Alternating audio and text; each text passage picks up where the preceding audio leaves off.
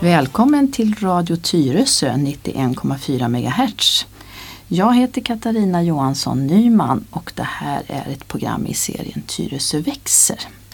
Och idag så sitter jag här med Lena Paulsson. Välkommen hit Lena! Tack ska du ha. Kul att ha dig här och jag ska säga att anledningen till att jag ville ha hit dig det är att vi har ju sagt i den här programserien att vi ska ut och spana i Tyresö och ut och titta på lite olika platser och byggnader och arkitektur och sånt som har byggts för länge sedan eller nyligen i Tyresö. Och det ska vi göra jag tillsammans med Åsa Myr, landskapsarkitekt från Tyresö som, som också har varit gäst här i radion. Och också tillsammans med dig då Lena. Jag ser fram emot de utflykterna. Ja, vad Ja. kul. För du är ju, ja vad säger man, säger man husarkitekt eller, eller vad säger man? Nej, man säger inte husarkitekt här för att det, det är för mycket stadsbyggnad. Ja, Men när man utbildar sig i, på, i Lund som jag gjorde, då, då, hade, då skilde man aldrig på det. Utan det var liksom husbyggnad och stadsbyggnad i ett. Och jag har hållit på väldigt mycket med stadsbyggnad också. ja, Ja. precis. Men för förr så sa man arkitektsar, säger man det fortfarande? Eller? Man säger arkitekt. Ah, Ja, ja men nej det, nej, det är stockholmare som säger arkitekt. Jag är från Värmland, då säger man arkitekt. Är det så? Eller? Eh, arkitekt SAR, MSA säger man väl nu också. Ja, kanske. ja, MSA, jaha. MSA. Ja, okej. Det är Arkitekt SAR, MSA. Just det. Ja, men dessutom så är det så att du har lite olika kopplingar till Tyresö och det kommer vi komma in på också. Men jag tänkte vi, vi kan väl börja med att presentera dig och, och nu när du pratade så hörde ju då alla att du inte är född och uppvuxen i Stockholm. Nej, det är jag inte. Jag är uppväxt på landet i Skåne, på en gård. Mm. Var, var någonstans i Skåne? Nära Ringsjön. Ja. Där. Förstklassig jordbruksmark. Mm. Och, och det här med att du skulle bli arkitekt. var, var det någonting som du bestämde dig för tidigt eller kom det så Nej, det var inte särskilt tidigt. Det var i gymnasiet där när man grubblade på vad man skulle bli. Jag, alltid, jag tyckte alltid det var roligt med teckning och bild och eh, jag tyckte också det var roligt med rum och färger och sådana där saker. Men egentligen så visste jag inte så himla mycket om hur, det, hur livet skulle vara som arkitekt. Ehm, De flesta andra som började på arkitekturskolan kom ju från, jag skulle säga arkitektmiljöer där de hade liksom släkt, föräldrar eller någon som var arkitekt. Men det hade inte jag. Nej, utan det var, det var lite en egen idé. Det var en egen, du- egen ja. idé där Mm. att söka in på LTH där på arkitekturskolan. Och, och sen då, då, då läste du alltså i Lund. Men så småningom hamnade du i Stockholm och då undrar man ju varför hamnar du här? Ja, jag, jag läste i Lund och eh, efter tredje året där så bestämde jag mig för att ta ett sabbatsår och åka till Stockholm och söka jobb. Eller söka praktikjobb under detta året i Stockholm. För att det var kul att komma till Stockholm och för att det var rätt mycket lågkonjunktur. Det var svårt att få jobb. Och, och vilken tidsperiod pratar vi om nu då? Eh, 73, 74, 73, 74. Dels att det var roligt då att komma till Stockholm. Som, som skåning så åker man liksom inte norrut egentligen utan man åker söderut. Ja, man åker till Berlin, till Mm. Paris, till ja, först Köpenhamn då kanske. Va? Eh, Men att man skulle faktiskt sitta på Stockholm lite. Eh, Och att göra det under ett praktikår. Eh, Mm. Så det gjorde jag. Och sen var jag, åkte jag tillbaka till Lund och gjorde fjärde året.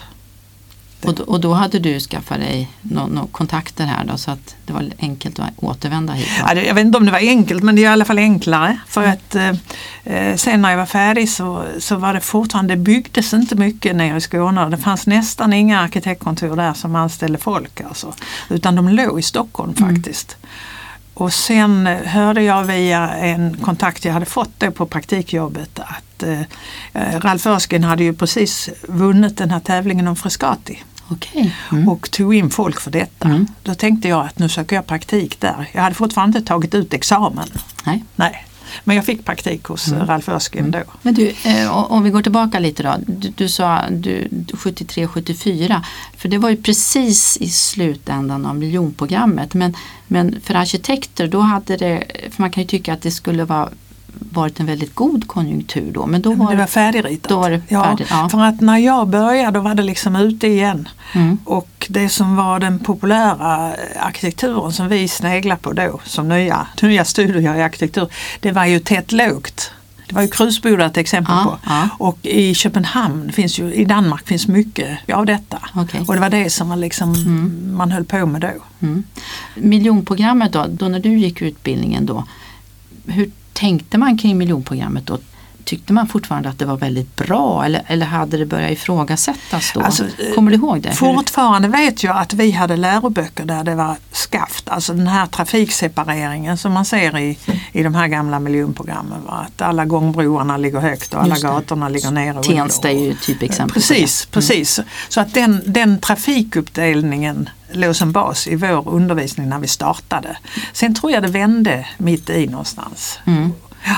För, för man, ibland så pratar man ju om när Skärholmens centrum invigdes 1968 av prins Bertil. Dagen Mm. efter, på hösten där, dagen efter så var det någon stor artikel i tidningen man pratade om att Skärholmen var dåligt och sådär och det var ju nästan lite skandal då eftersom det var alldeles ny, Ja, nyinvigt liksom. Och så blev det då en, en diskussion kring det där. Då. Men det är ju rätt så många, rätt många år mellan man börjar, eh, om man håller på med stadsplanering så är det ibland väldigt många år från, från skiss och idéer till dess att det står färdigbyggt Just och klart. Mm. Och så var det väl just med miljonprogrammet då att det färdigställdes inte förrän eh, Men när man var 70-talet. Nyutexaminerad arkitekt då, då, det här var slutet på 70-talet Ja, då, kan man ja. säga. Tänkte ni då att nu är liksom Sverige färdigbyggt? Nej absolut inte, nej Nej. nej. Utan det var som en lågkonjunktur. Eh, Jag tror inte att man tänkte på något sätt att det var färdigbyggt. Nej det, nej, det känner jag inte igen. Nej, nej, nej. Och, och som sagt då började du jobba hos Ralf Örskin då. I Drottningholm. Ja. Ja. Han hade kontoret i Drottningholm. Kontoret låg i Drottningholm. De hade, eh, alltså hans kontor, han hade ju länge haft det på en båt. Men när kontoret blev lite större så funkar inte det längre utan att det blev fast mark under fötterna där. Mm. Och han anställde flera då för att just det här stora projektet det var först allhuset och eh, sen var det biblioteket där ute på Frescati. Du och Ralf Örskin, vi kanske ska berätta lite mer om honom för att han han var ju lite grann dåtidens, eller i alla fall blev då en, av de svenska Ja. arkitekturs främsta frontfigurer. Ja, jag, jag tycker egentligen att han var mer känd utomlands än i Sverige på, sven, på de svenska arkitekturskolorna. Han var runt i världen och eh, höll- pratade klimat och eh, humanistisk arkitektur och sådär eh, nästan innan han nådde ut till skolorna i Sverige. Vad spännande, för tänk, ju- just när du säger det här med klimat, då tänker jag ju på, på de här husen som han har ritat i Kiruna. Ja, Eh, ja. som, som ju är väldigt speciella. Ja. Och, och berätta lite mer, hur, hur tänkte han? Alltså det var ju den här anpassningen. Eh, när jag började då som praktikant i honom så höll jag på med, med eh, små hus uppe i Resolute Bay i Alaska. Oj, Eh, en ny bebyggelse där som då skulle stå på pinnar så snön kunde blåsa under och eh, eh, man skulle ta sig in på olika sätt genom små muffar. Så Oj. att snön, man klarar snön. wow, Och, väldigt liksom Ja, avantgardistiskt och på något husen sätt. formade så att vinden kunde, att Mm. den inte samlade snö utan att vinden blåste vidare och att det fanns en solsida. Och också fokus på var solen steg över horisonten då första gången i, när det nu kunde vara Mm. februari, mars någonting eller så va. Så husen skulle vara riktade. där. Ja, precis. Ja, så ni hade också internationella uppdrag alltså? Ja. Mm. Eh, eh, Ralf Erskine ritat mycket i England. Newcastle där och ja, runt flera ställen i England. Och eh, det var det de också höll på med på kontoret då när jag, när jag jobbade, eller ja, när jag kom dit. Men det måste ju ha varit eh, en eh, fantastisk merit att få, få ett jobb där. Absolut, alltså det var ju, jag skulle säga att det var en slags eh, arkitekturskola som man valde genom att söka jobb där. Och som man liksom blev testad i att han tittade på ens arbete man hade gjort. Och det var ju också så med det där kontoret att det, det kom många från utlandet och jobbade ett år eller två hos honom och det var inte säkert man fick lön där. Eh, då. Det var före min tid. För sen blev det ju liksom ett annat tryck och det jobbade bara män där. Eh, Och jag var den första kvinnliga arkitekten Oj. som, som kom dit. Aha. För då var det ju tryck från de andra att det behövdes liksom eh, lite mer jämställdhet och eh, att det behövdes kvinnor på kontoret där. Så när du pluggade då, hur, hur stor andel var kvinnor på utbildningen? Jag tror att vi var en tredjedel. Aha, okej. Och idag är det väl övervägande Ja, kvinnor nästan? ja, det är rätt stor eh, övervikt tror Ja. jag. Mm. Alltså det är, ju, det är ju höga poäng för att komma in. Mm. Just det. Du, och sen tänker jag med, med Ralf Örskin, jag tänker hans, det här med hans balkonger. Är, är inte det lite typiskt det här att det skulle vara, de var lite utåtriktade? Alltså, de var Jo, inte längs alltså han- fasaden. Och, Ja, utåtriktad vet jag inte men han, han hade ju ett sätt att angripa formerna utifrån någon konstruktion eller sådär. Att eh, om man skulle upp på taket och sota skorstenen så blev liksom hela stegen och hela alltet blev en del av arkitekturen. Inte bara någonting som man smyger undan eh, så, och låtsar att det inte syns. Utan han gjorde en grej av det istället. ja, spännande. Ja. Så, så vad lärde du dig mest där då under de åren? Jag tror att eh, jag lärde mig ett sätt att eh, se på former. eh, Så. Och att det är väldigt viktigt, ja, klimatet absolut. Och det här med vinden och solen och, och så. Och sen det här med formerna. Och också det där humanistiska i tänkandet att det skulle vara trivsamt, att det ska vara en skala som passar människan. Att dörrarna ska liksom inte vara fyra meter höga eller så utan det ska passa. Det ska passa människans skala och eh, platser och rum mellan husen. Mm. Att det ska vara, eh, det Det, lå- det för låter som att han var väldigt eh, före, lite före sin tid. Alltså han, han, för det pratar man ju mycket mer om nu. Alltså jag, det känns som att han, han var tidig. eh, Ja, ja, ja precis. Mm. Det, det kan man säga att det har eh, kommit mer eh, överlag. Att man tänker i den där humanistiska Mm. miljö, att miljön betyder mycket för hur eh, det blir att bo i, i olika bostadsområden eller vad det nu är. Eller centrum eller var som egentligen. Och sen arken var- du med och Ja, detta var ju startade. då eh, alltså ehm, när allting var färdigritat där i Frescati och sådär och jobben började minska ute i Drottningholm. Då hade jag jobbat där sju år. Och Ralf blev väl då 65, 67 någonting och tänkte att han skulle gå i pension. Mm. Eh, så, och det talas mycket vad som skulle hända med kontoret. Om vi skulle starta en stiftelse eller någonting så. Men sen, eh, han var i Japan och föreläste, Ralf då, och eh, vi, vi eh, satt och gjorde en tävling som han var inbjuden till, det var Skarpnäcksfältet. Och eh, denna tävling vann vi då. Och sen så, vi var tre stycken som höll på med den där tävlingen så bestämdes det att vi skulle starta ett nytt kontor istället och så fick han ha, gå ner till och bara vara sig själv och kunna samarbeta med oss. Och då startade vi som jobbade hos honom då, vi var 12 stycken, startade ett kollektivt kontor som var arkenarkitekter. Så han var inte liksom med i det men det var Nej, hans, utan vi- hans anda mer som Det var hans anda som vi fortsatte i och eh, vi hade en del samarbete så här. Men han ville ju fortsätta med stora projekt och börja anställa folk igen och starta upp ett nytt kontor gjorde han för, för vi hade våra egna jobb och ville inte längre jobba med honom. Nej. Och, och där i den där skaran som startade kontoret, där var jag, förutom att jag var kvinna ensam då, så var jag dessutom yngst. Och där var ju flera som var i 40-årsåldern och eh, verkligen var sugna på egna projekt och sådär. Så var det. Mm. Och, och säger du Skarpnäcksfältet, var, var, det, eh, var det detaljplanarbeten ni var engagerade i eller var det husen då? Alltså- Först var det detaljplanebiten, upplägget och det var mycket Claes Tam som höll på med det. Och, så. och sen var det de här sex kvarteren som var för BGB. Just det, precis. Och där är det sådana balkonger.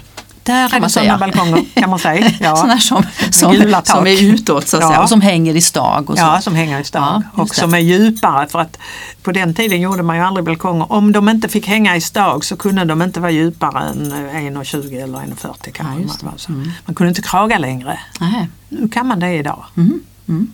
Det har hänt en del. Ja. Det har hänt en Ja. del där på konstruktioner och så. Och de, jag, jag hade faktiskt en, en eh, kompis som bodde där så jag har suttit på en sån balkong och ätit middag. För det är klart att man kan tycka att de kanske arkitektoniskt så kan ju jag då tycka att de ibland sticker ut lite mycket. Men de var väldigt trevliga att sitta och äta middag på kan jag säga. Ja, men man kan, är ju lite utsatt i insyn och Ja, sådär va, för sig, eftersom men- de sticker helt ut. Ja, men det Ja. rymdes, vi rymdes, Ja. det var många som rymdes Ja. på en sån balkong. Ja, det var, ja. Men du Lena, du har ju varit med ganska länge och du har väl förstås varit med både upp och nedgång för arkitektur? Ja, det har blivit ett antal omgångar Ja, faktiskt. För det, Så är det, arkitekturbranschen är, ju, eller bygg, det liksom följer ju byggkonjunkturer, ibland går det upp och ibland går Ja. det ner. Ja, det, jo, men det fanns ju tider när vi inte tog ut lön. Mhm. Alltså för att det inte gick ihop. Nej. När man var beredd att liksom verkligen fortsätta ett tag till. För man visste ju att jobben låg där ju. Eftersom det är så långsiktiga jobb de flesta så kunde det ta ett år eller två innan de kom tillbaka. Mm. Och att det, det fanns så mycket så att man ville inte ge upp. Men det, det förutsätter ju då att man har lite is i magen och att man kan Ja, jag vet, jag vet när min dotter skulle ta studenten så eh, var det var en sån här lågkonjunktur. När liksom vi som satt där då, nej men nu får Lena ha lite extra så det räcker till studentklänningen till Sanna. Mm, Ja, har du berättat det för henne? ja. Ja. ja. Ja. Eh, Men, men du Lena, Lena Paulsson då ska jag säga som jag sitter med här, arkitekt. Du har mest hållit på med bostäder, eller hur? Inte så mycket med kontor och industrier och Jag har nästan bara hållit på med bostäder. Eh, Men också alltså stadsplanering från tidiga skeden, utredning av tomter och sen bostäder. Jag, har, jag har i och för sig varit med på en del kontor också. Till exempel World Trade Center där. Mhm, Ja. mm. Men eh, egentligen är det bostäder som har varit mitt intresse Ja. kan man säga. Va? Och varför är det roligare då? Jag tycker att det är närmare människor. Ja, Att det känns viktigare att hålla på med. Så Det är inte så eh, lukrativt ek- ekonomiskt som det skulle vara att rita kontor eller köpcentrum eller så. Men eh, det är roligt att hålla på med. Ja. Det är mest flerbostadshus som du har på med eller är det även villor och så? Alltså inte villor, inte villor eh, utan eh, gruppbyggda småhus har det också varit. Va? Ja, Ja, Mm. radhus och ja, det kan, då kan det ju vara friliggande också men Ja, gruppbyggda småhus. Eh, Och till flerfamiljshus då, till flerbostadshus. Mm. Du, det, det finns ju många olika typer av, av arkitekter tänker jag. Och, och en del, för du och jag har ju jobbat ihop ska Ja, vi säga. ja, vi, har vi. vi har professionellt stött på varandra. Och en del arkitekter som jag har jobbat med är ju, är ju ganska stora konstnärer på något sätt. De, de eh, skapar och tycker liksom inte om att bli ifrågasatta. Medan du har jag upplevt är på ett annat sätt. Du är väldigt lyhörd och försöker sätta dig in i och, och försöka förstå vad olika, vilka olika behov det finns. Som, alltså både, det kan ju vara kommunen som uttrycker någon eller det kan vara byggherren eller, eller ja, en plats eller, eller vad, som, vad som ekonomin tillåter. Märker du att det här var ett framgångskoncept för dig i din profession? Jag tycker att det är det som är arkitektens roll, alltså att jag är penna åt någon. Med min kunskap så, är jag, eh, så hjälper jag någon fram till en lösning. Det är inte så att jag behöver göra mitt eget konstverk. Det, jag, det, utan jag tycker att en bruk, arkitektur är brukskonst. Mm. Och eh, det, det, är inte, det är inte jag som ska prägla det på det sättet utan jag vill hjälpa beställaren att hitta, hitta rätt.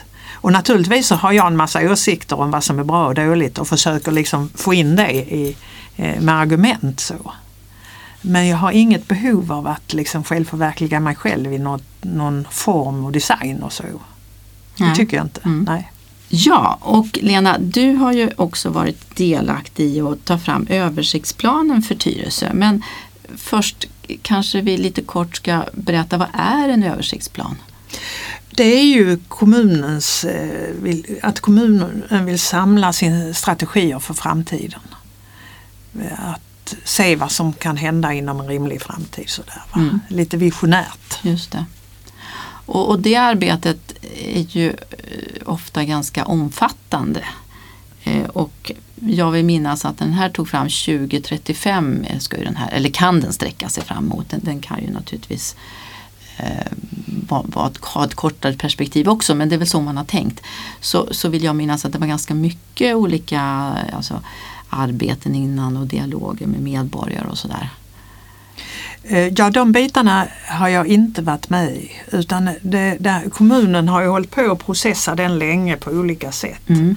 Eh, För sen var, det, sen var det mer att eh, sammanställa den och plocka fram, vaska fram det som var viktigt. Plus att lägga på lite, annat, lite till. Just. Mm. Eh, och sätta samman det till ett dokument och skriva, liksom, punkta upp vad som är viktigt Mm. och så. Men det är ju en rätt så lång politisk process, eller Just det här med medborgardialoger och allt som var. Mm. Och det, det var ju kommunens översiktsplanerare som gjorde det. Mm. Carolina Fintling Rye. Okej. Mm. Men i, i det här arbetet som du var med i, vad, vad var det för trixiga frågor som man var tvungen att, att behandla?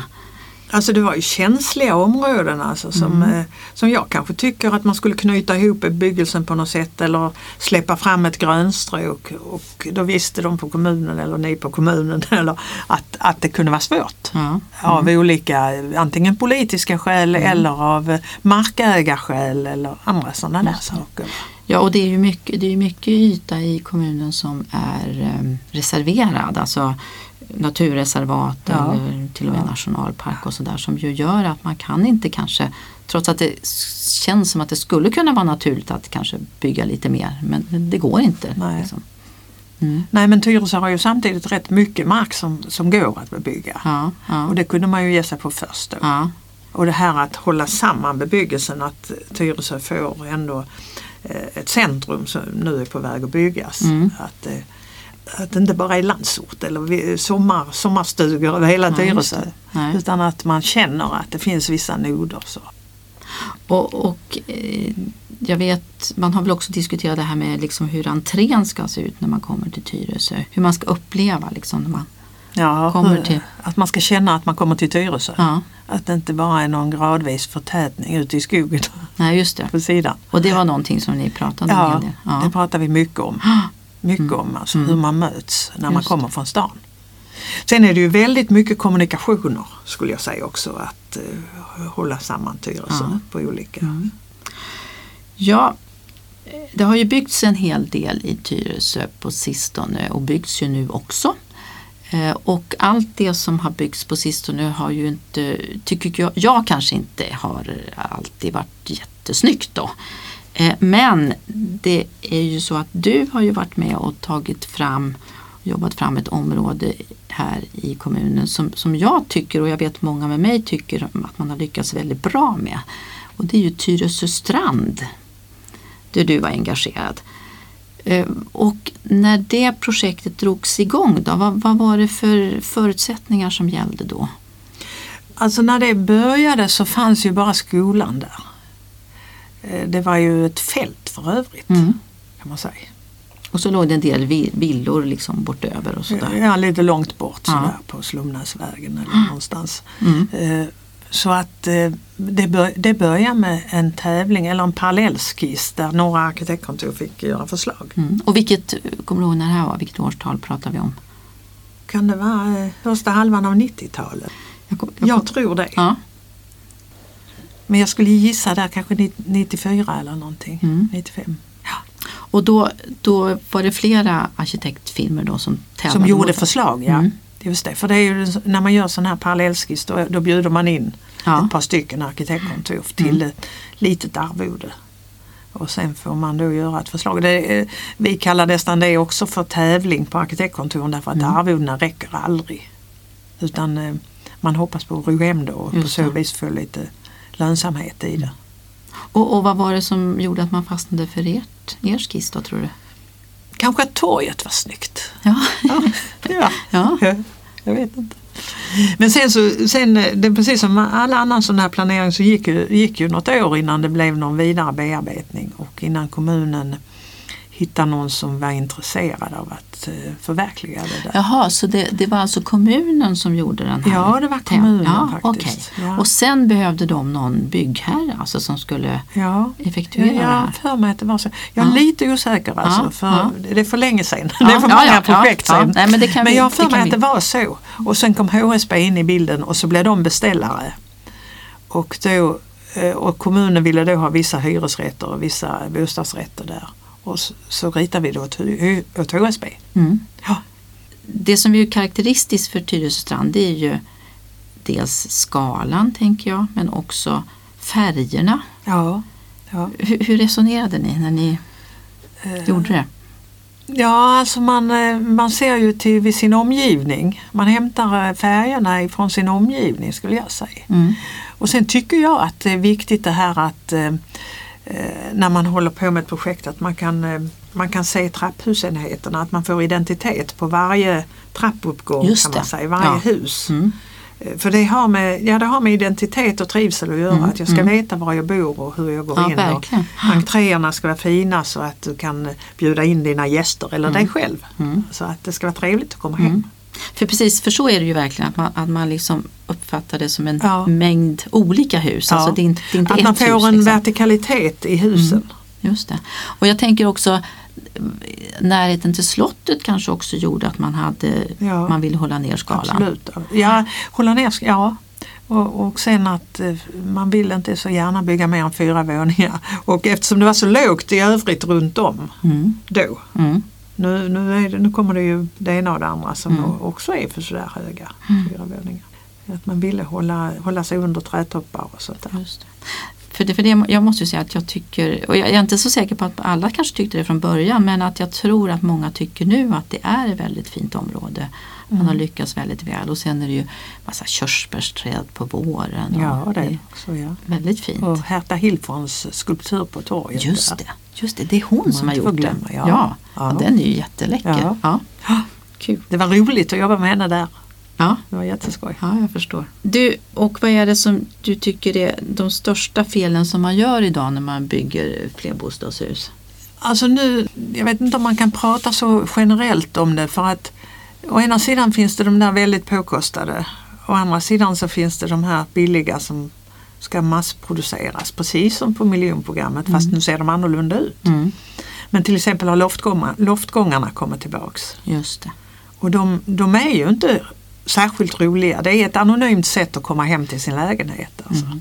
Nej, alltså det, det, och det kommer vi säkert återkomma till tänker jag. Lena. Ja, ja. när vi ska ut och titta. Ja, men, men det är ju faktiskt ganska lustigt för att loftgångshusen var ju otroligt utskällda. Ja. Alltså, Ja, precis. De var strängt förbjudna Ja. under många år. i, Ja. slutet på miljonprogrammet då, Ja. kan man säga. Ja, precis. Och, och vi tycker ju att de är otrygga, vi tycker inte att det är speciellt snyggt. Och så bara för att få ihop ekonomin nu då så, så Just det, många lägenheter på samma hiss. Ja. Det är ju det. Ja, precis. Ja, nej, det, det, mm. Men om, om du ser till dina olika projekt som du har varit engagerad i, vad, vad är det, vad är det du, som du är mest stolt över? Mest stolt över är jag över några stadsradhus i Borlänge. Mhm. Mm. Och, Faktiskt, jag har hållit på rätt mycket i Borlänge aha, med ja. både stadsbyggnad och några projekt, Ja. bostadsprojekt. Där. Och vad är det som utmärker dem då? De är snygga. Ja, ja, men- jag tycker att de har, de har blivit riktigt fina, eh, alltså vackra hus Ja, eh, och trivsamma ja och funktionella. just det. Och, och, och för jag tänker radhus kan ju vara väldigt olika, det kan vara väldigt lika men här är det mer varierat. Då, Ja, eller? det är återigen det här att eh, det är varje hus som får avteckna sig mot gatan och de här de står mot gatan så det är ingång men det är lite indragen entré och Ja. sådär. Spännande.